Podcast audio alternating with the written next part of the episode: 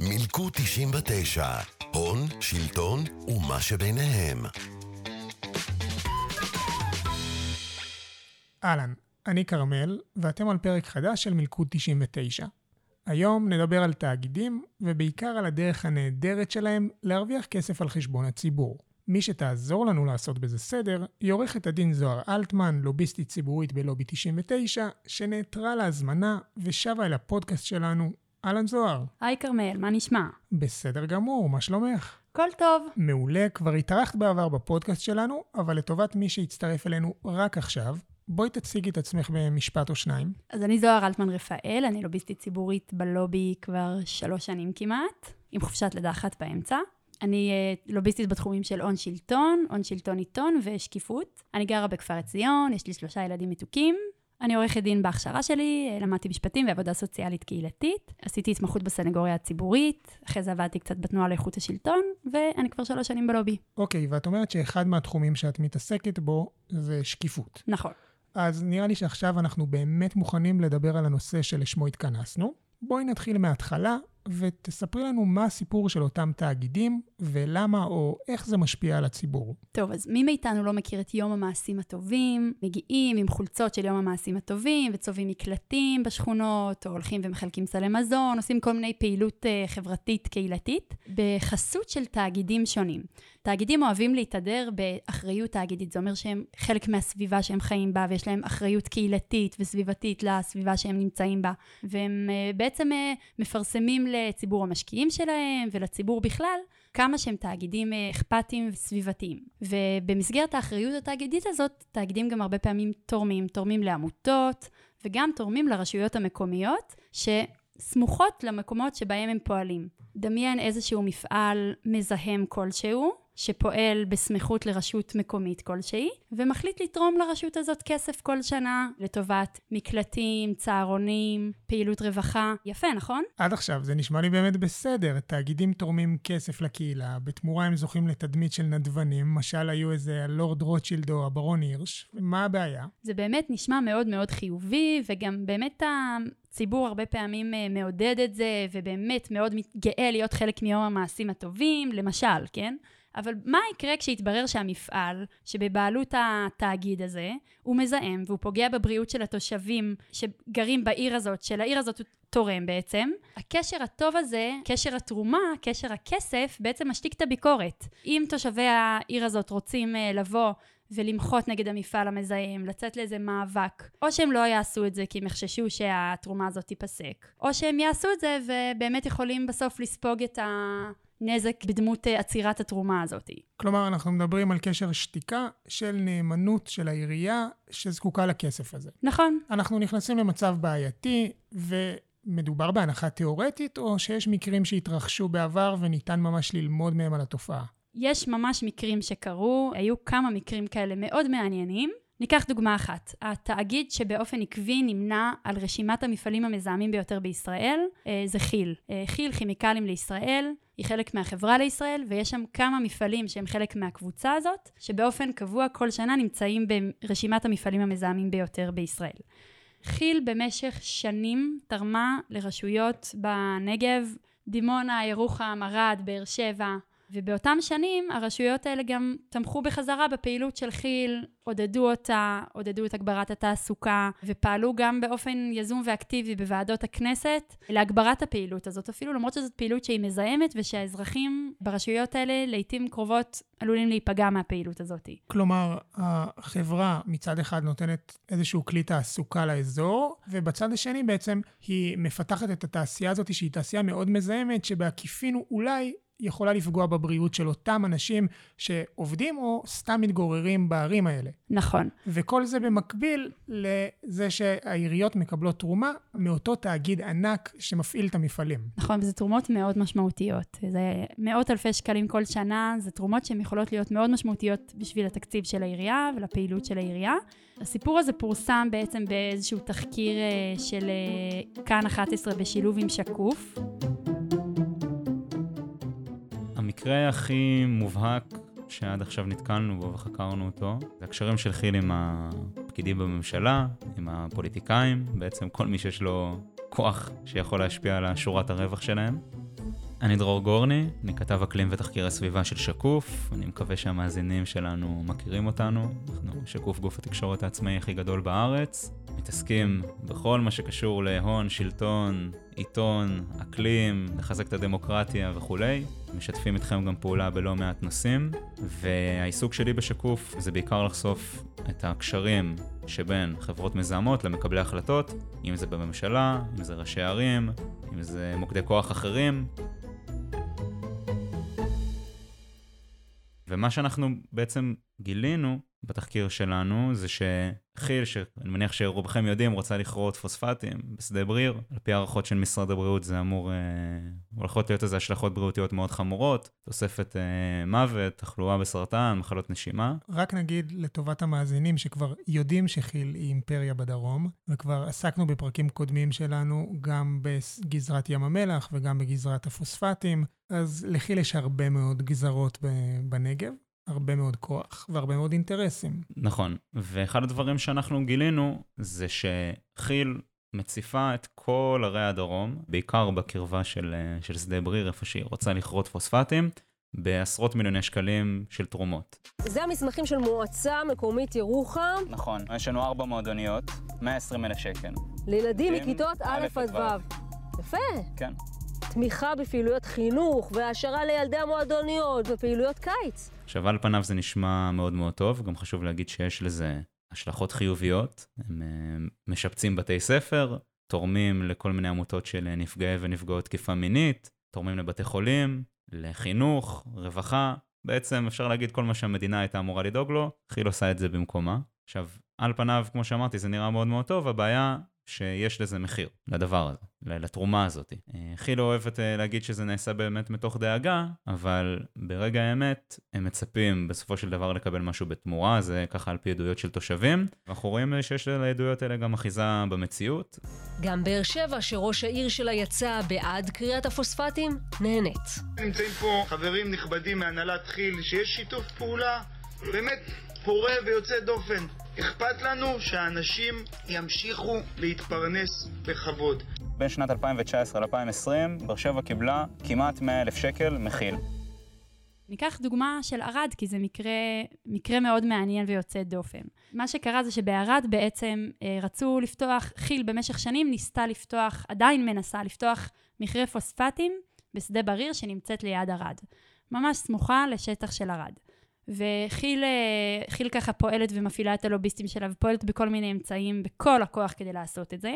וערד החליטה לצאת למאבק נגד הדבר הזה. התושבים התאגדו, ראש העיר הוביל את המאבק הזה, וברגע שבעצם העירייה והתושבים יצאו למאבק נגד פתיחת שדה בריר, התרומות לערד פסקו. עכשיו חשוב להגיד שזה נעשה באופן חוקי, לכי"ל יש סוללה של עורכי דין שמוצאים להכשיר אה, הרבה מאוד מהלכים, אז גם המהלך הזה של הפסקת התרומות הוא חוקי, זה חשוב להגיד. חוקי, ועל פניו נראה טבעי, אתה יודע, אני משלם כסף ותורם לך כדי שתשפץ את הבית שלך, אני מצפה שאתה לא תכתוב בעיתון שלך כלום עליי, נכון? יש בזה היגיון, השאלה אם זה המצב שאנחנו רוצים uh, לחיות בו, שבו חברה מסחרית שיש לה אינטרסים uh, מאוד מובהקים, להגדיל את שורת הרווח שלה, במקרה שלהם זה גם על חשבון של בריאות של תושבים, האם אנחנו רוצים שיהיה לה את מנוף הלחץ הזה על כל מיני עיריות שתלויות בכלכלית? אוקיי, okay, אז דיברת על ערד, בואו נס... ננסה שנייה למפות את אזור הנגב מסביב לשדה בריר. כן. מה המצב הרשויות שם? אז יש לנו בעצם את הרשויות המרכזיות שאנחנו מדברים עליהן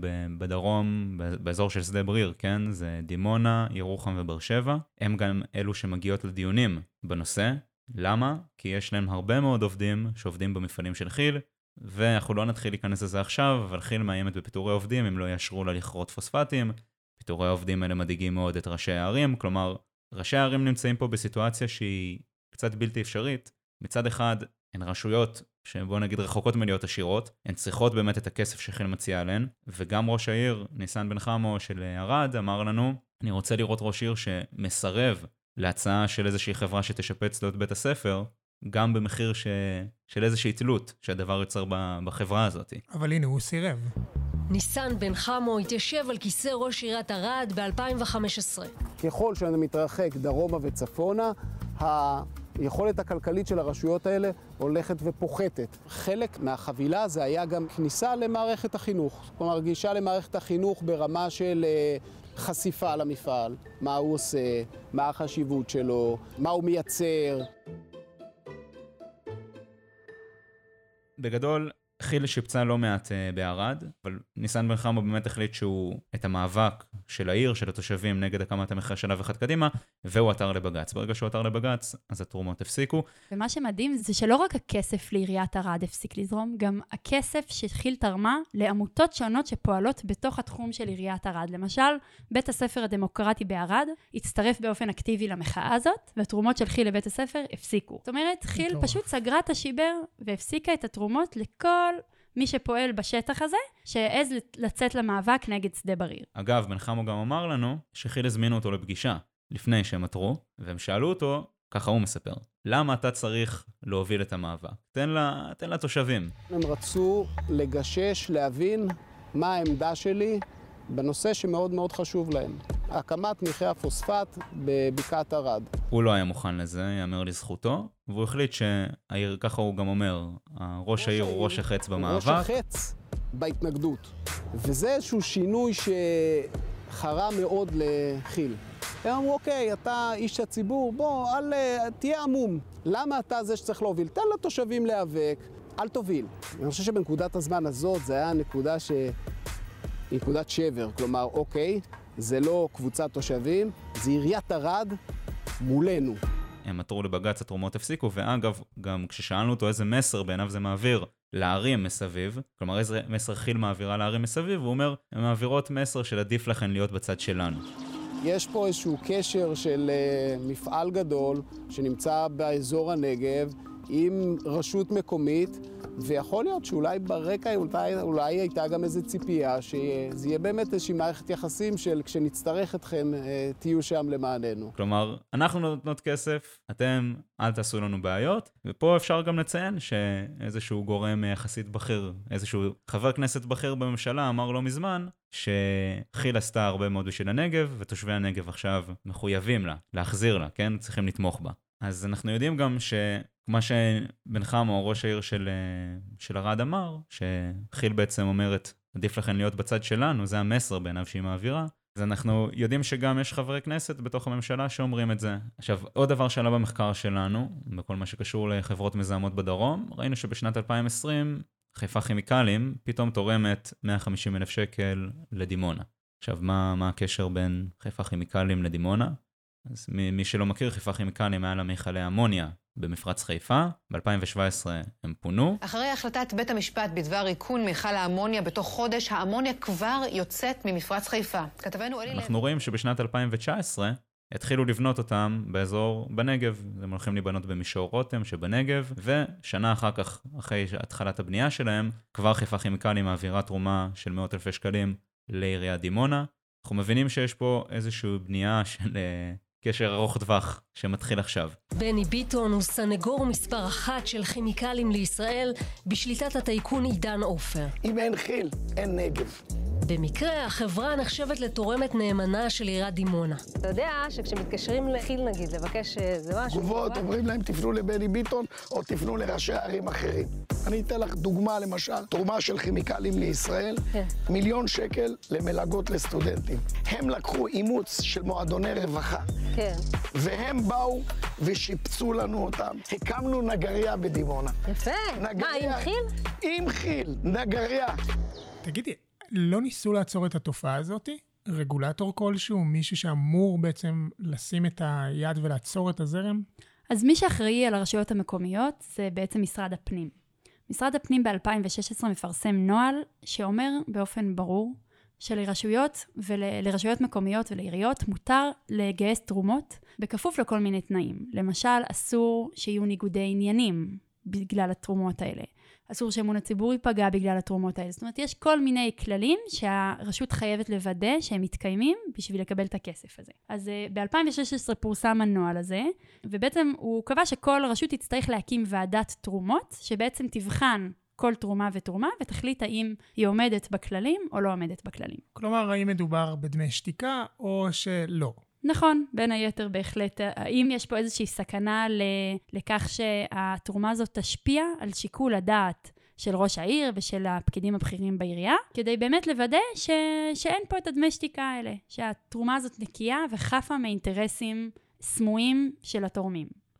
הנוהל גם קבע, כדי שבאמת יהיה אפשר לפקח על הדבר הזה ושהציבור יוכל להעביר איזושהי ביקורת ציבורית על התרומות שמתקבלות, שכל החלטה כזאת תפורסם באתר של הרשות, יחד עם חוות הדעת של אה, ועדת התרומות, שבעצם יש לה ממש קריטריונים שהיא צריכה להסביר ולפרט ולנמק למה התרומה הזאת עומדת בהם. כלומר, צריך להשקיף את התרומות האלה לציבור. ואני מניח שאם כל זה היה עובד, אנחנו לא היינו מדברים היום. אתה בהחלט צודק, זה לא ממש עובד. עשינו בדיקה יחד עם גוף התקשורת שקוף, וראינו שהנוהל הזה לא מיושם כמו שצריך. ואנחנו מתמקדים כרגע בחברות מזהמות, כי פה זה מאוד מובהק, כן? חברה שמזהמת את הקרקע, את הבריאות של התושבים, ותורמת אה, כספים לעירייה. אז כמו שאמרנו, נוצר אה, איזשהו חשש שביום שבו העירייה תצטרך לבחור צד, השיקול שלה יהיה מוטה. עניין של באמת מנהל תקין, כן? אנחנו לא רוצים שייתנו כל מיני הטבות אפילו לחברת נדל"ן באיזושהי עיר, אבל אני חושב שפשוט במקרה של חברות מזהמות זה מאוד מובהק. הניגוד פה.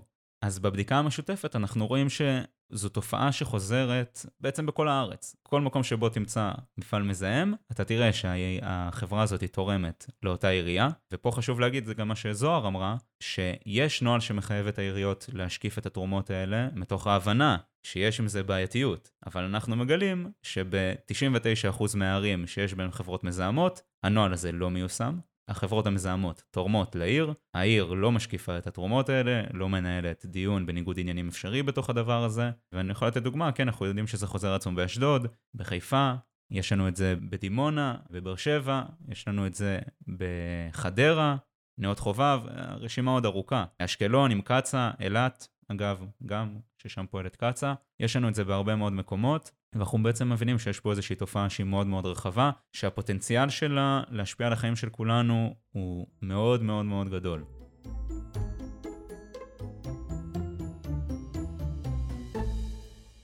דיברנו על הרשויות שבנגב, ובאמת הסיפור סביב כי"ל אולי תמיד כשמדברים על יחסי uh, מזהמים ו- ורשויות וסביבה ובריאות, תמיד אנחנו נשאבים באמת לכי"ל ומשפחת עופר והמפעלים המזהמים שלהם בדרום. אבל בואו ננסה לחשוב שנייה, אם אנחנו נדלג, לצורך העניין, ניקח את חיפה. הרי אנחנו מבינים שב-2016 יצא נוהל שאמור לחייב את עיריית חיפה לדווח על כל תרומה, או יותר מזה, גם להשקיף את הליך האישור של התרומה.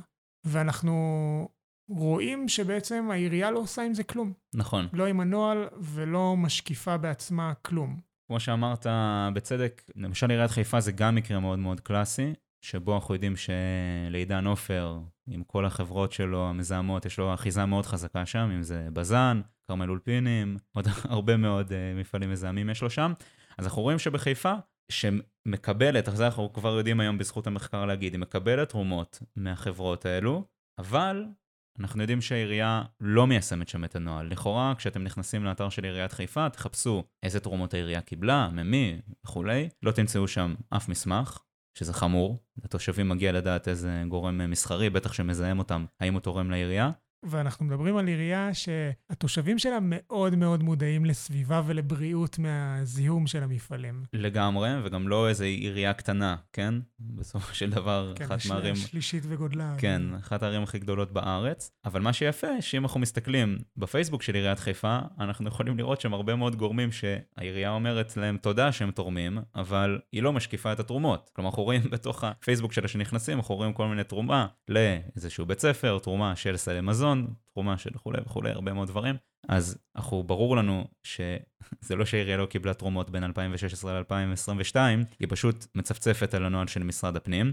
ופה חשוב לגעת בעוד נקודה מאוד מעניינת שהגענו אליה במחקר, וזה מה שנקרא הקרן לעיר. עכשיו, מה זה אומר? לכל עיר יש איזושהי קרן שהיא מגייסת בשבילה תרומות. אז גם לעיריית חיפה יש הקרן לחיפה, וכשאנחנו שאלנו את עיריית חיפה, האם אתם מקבלים תרומות ממפעלים שבשליטת עידן עופר, אמרו לנו שלא, אבל כשמסתכלים במסמכים של הקרן לחיפה, אנחנו מגלים תרומות בשווי של מיליוני שקלים, לאורך למעלה מעשר שנים. ובעצם העירייה מנצלת את אותם סכומים שנאגרים בקרן ומשתמשת בהם. בדיוק. עכשיו, לכאורה, העירייה אומרת, וגם הקרן אומרת, מה פתאום, אנחנו שני גופים נפרדים. אומרים, הקרן לחיפה, כשאנחנו מדברים איתם, אומרים לנו, מה אתם רוצים? אנחנו עמותה פרטית. עכשיו, מה זה עמותה פרטית? אני לא יכול, אה, דרור, להקים עמותה ולהתחיל לשפץ כל מיני מגרשים בעיר שאני חי בה, נכון? אז הם לא עמותה פרטית, הם גם מוכרים uh, לצורכי מס, אז זה כבר הופך אותם לא לפרטית, אבל זה כבר עניין אחר. הם לא עמותה פרטית. יש להם איזשהו קשר עם העירייה. בהרבה מאוד מקרים גם מישהו בוועד המנהל של העירייה, הוא יושב גם בוועד המנהל של אותה עמותה, של הקרן לאותה עיר. יש פה קשר ברור, כן? למשל בדימונה, אנחנו יודעים שבני ביטון, ראש העיר, אה, שהוא תומך נלהב של כי"ל, הוא גם יושב ראש ה... הוועד לרווחת... אה, הקרן לדימונה. כן, אז הקשר פה הוא בלתי ניתן להפרדה, הן מתקשרות אחת עם השנייה, הן מחליטות, יש להן איזושהי השפעה של מה ישופץ בעיר. במקרה של חיפה זה באמת מאוד מאוד מובהק, שאנחנו רואים שהעירייה אומרת שהיא לא קיבלה אף תרומה מעידן עופר, כן, בז"ן וכולי, אבל הקרן דווקא קיבלה הרבה מאוד תרומות, ושוב פעם, אי אפשר לדעת על זה. כי הקרן גם לא מנהלת איזשהו דיונים האם התרומה הזאת היא הגיונית, האם אין בה איזשהו חשש לניגוד עניינים כמו שהנוהל מחייב. התרומה עוברת לשם בלי שאף אחד יודע, הדרך היחידה לדעת את זה, ככה שגם המאזינים שלנו ידעו, אם uh, תופסת אותם רוח המחקר, אפשר להזמין uh, תיק עמותה, וכל אחד יכול לעשות את זה, ולראות... זאת אומרת, זה בכלל לא דרך הנוהל. ו... בדיוק, זה בכלל לא דרך הנוהל, צריך בכלל להזמין את התיק עמותה, זה, זה סיפור בירוקרטי, עד שהתיק עמותה מגיע, ולהתחיל לפשפש שם בכל המסמכים. זה, מה שאנחנו בוודאות יודעים להגיד, זו לא הייתה מטרת הנוהל, שיעבירו את זה דרך איזושהי עמותה. אה, ועוד יותר חמור אפשר להגיד בעניין הזה, זה שהנוהל של משרד הפנים כן אומר שכל תאגיד שנשלט על ידי העירייה כן יהיה מחויב בהוראות הנוהל, בסעיפי הנוהל. ומשום מה הקרן לעיר, כן, הקרן לחיפה, הקרן לתל אביב, הקרן לירושלים, לדימונה וכולי, היא לא נכללת בנוהל של משרד הפנים. עכשיו, ברור שמה שקרה פה זה שהקרן לעיר היא פשוט איזשהו מיקור חוץ שהעירייה עשתה בשביל לקבל תרומות. עכשיו, ההיגיון הבסיסי שעומד בזה, זה כי עמותות מקבלות בעצם איזושהי הטבת אה, מס כש, כשתורמים להם, אפשר לקבל החזר מס על זה, אז זה מאוד משתלם לעירייה, אבל הבעיה שגם אפשר לנצל את זה בצורה שמטיבה עם כל מיני uh, גורמים אינטרסנטיים, עם חברות מזהמות, אפשר ככה להסתיר תרומות, יש פה בעיה גדולה. אני אוסיף עוד סיפור קטן אולי. חברת האנרגיה אנרג'יאן, שיש לה פעילות של קידוחים והובלת גז מול חופי uh, מועצה אזורית חוף הכרמל, היא uh, רצתה לתרום, תנחש לאן? למועצה אזורית חוף הכרמל. יפה מאוד. אז uh, היא תרמה באמת, לה, היא רצתה לתרום למועצה הזאת, המועצה הכשירה את התרומה הזאת וקבעה שאין שום חשש לניגוד עניינים והכל בסדר, למרות שמדובר בפעילות מזהמת. צינורות הגז עוברים בתוך שטח המועצה. אני מניח שהתושבים לא בהכרח uh, שמחים שזה קרה. נכון, אז היו כמה עמותות שעתרו לביטול התרומה הזאת, אבל המועצה מבחינתה הייתה מכשירה את התרומה הזאת. זאת אומרת, הפרקטיקה הזאת של תרומה של תאגידים לרשויות מקומיות שסמוכים לאזורי הפעילות, היא בהחלט קיימת ומוכרת, ובכל זאת הנוהל הזה לא מיושם כמו שצריך, ונראה שאין אכיפה מספיק טובה.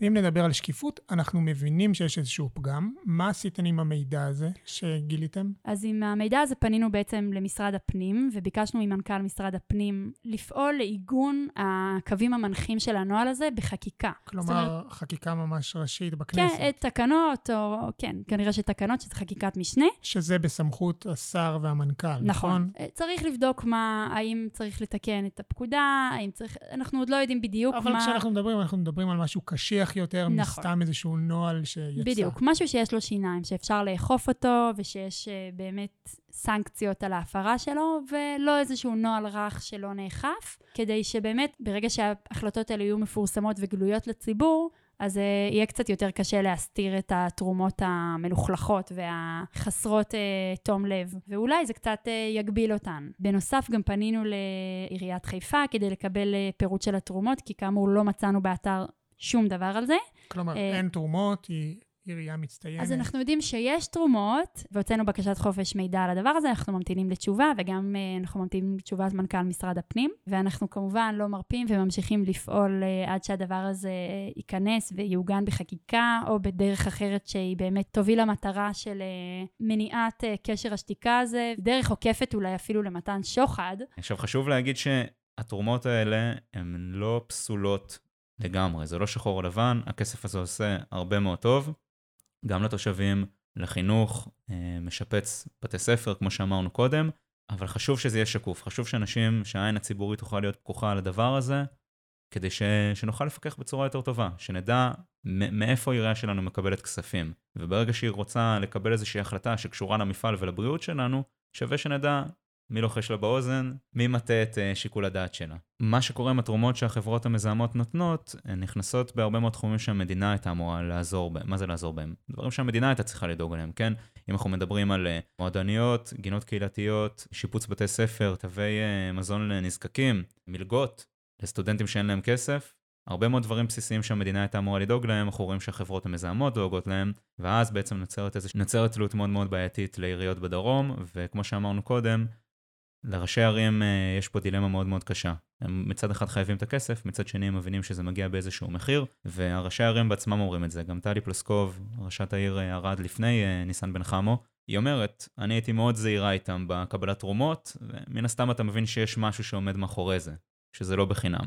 עכשיו, היא אומרת את זה בעצמה, ואנחנו מקבלים עוד, איזושהי, עוד איזשהו חיזוק להבנה של התלות שנוצרת בין, ה, בין הערים לבין החברות המזהמות. אוקיי, okay, אז בינתיים אנחנו ממתינים לתגובת משרד הפנים ותגובת עיריית חיפה לבקשת חופש מידע, וצריך לומר שכל הדבר הזה באמת מתאפשר בזכות הגב של חברות וחברי הלובי שלנו, וכדי שנמשיך לפעול בנושא הזה, בנושא השקיפות, לצד נושאים נוספים ואחרים שיש לנו, כמו משאבי טבע ופיננסים ובנקים ומלא מלא נושאים, אנחנו צריכים עוד חברות וחברים חדשים, אז אם טרם הצטרפתם, do it now. בינתיים, נגיד תודה לזוהר, תודה רבה. תודה לך, כרמל, על ההזמנה. היה מאוד מעניין. נגיד תודה גם לדרור גורני משקוף, ואת התחקיר שעשינו יחד, ותחקירים נוספים שהוא עשה בנושא, תוכלו למצוא באתר הפרק ובאתר של שקוף, ואני ממליץ לכם גם לצפות בתחקיר שהוא עשה יחד עם מפעל גליק מכאן חדשות, מומלץ ביותר. אנחנו נמשיך לעקוב אחר ההתפתחויות, ועד שיהיה חדש, נאמר תודה גם לכם, המאזינות והמאזינים שלנו, גם הוותיקים וגם החדשים. אני אנצל את ההזדמנות כדי לקרוא לכם להמשיך לדבר איתנו, לספר, להציע וללמד אותנו דברים חדשים שאנחנו עוד לא יודעים. אולי יצא מזה פרק חדש, לכו תדעו. אנחנו זמינים בכל פלטפורמה שתעדיפו, החל ממייל ועד לסרטון טיק טוק, רק תאתגרו אותנו ותראו שאנחנו עונים. אם אהבתם את הפרק, אז דרגו אותנו באפל, ספוטיפיי או כל אפליקציה אחרת שמאפשרת דירוג של חמישה כוכבים, תהיו לארג'ים, מה אכפת לכם? ואל תשכחו להשאיר לנו תגובות, וכמובן, שתפו הלאה את הפרק בנוהל משפחה, חברים, והפעם לחברי ועדת התרומות ברשות שלכם. יאללה ביי. מילקו 99, הון, שלטון ומה שביניהם.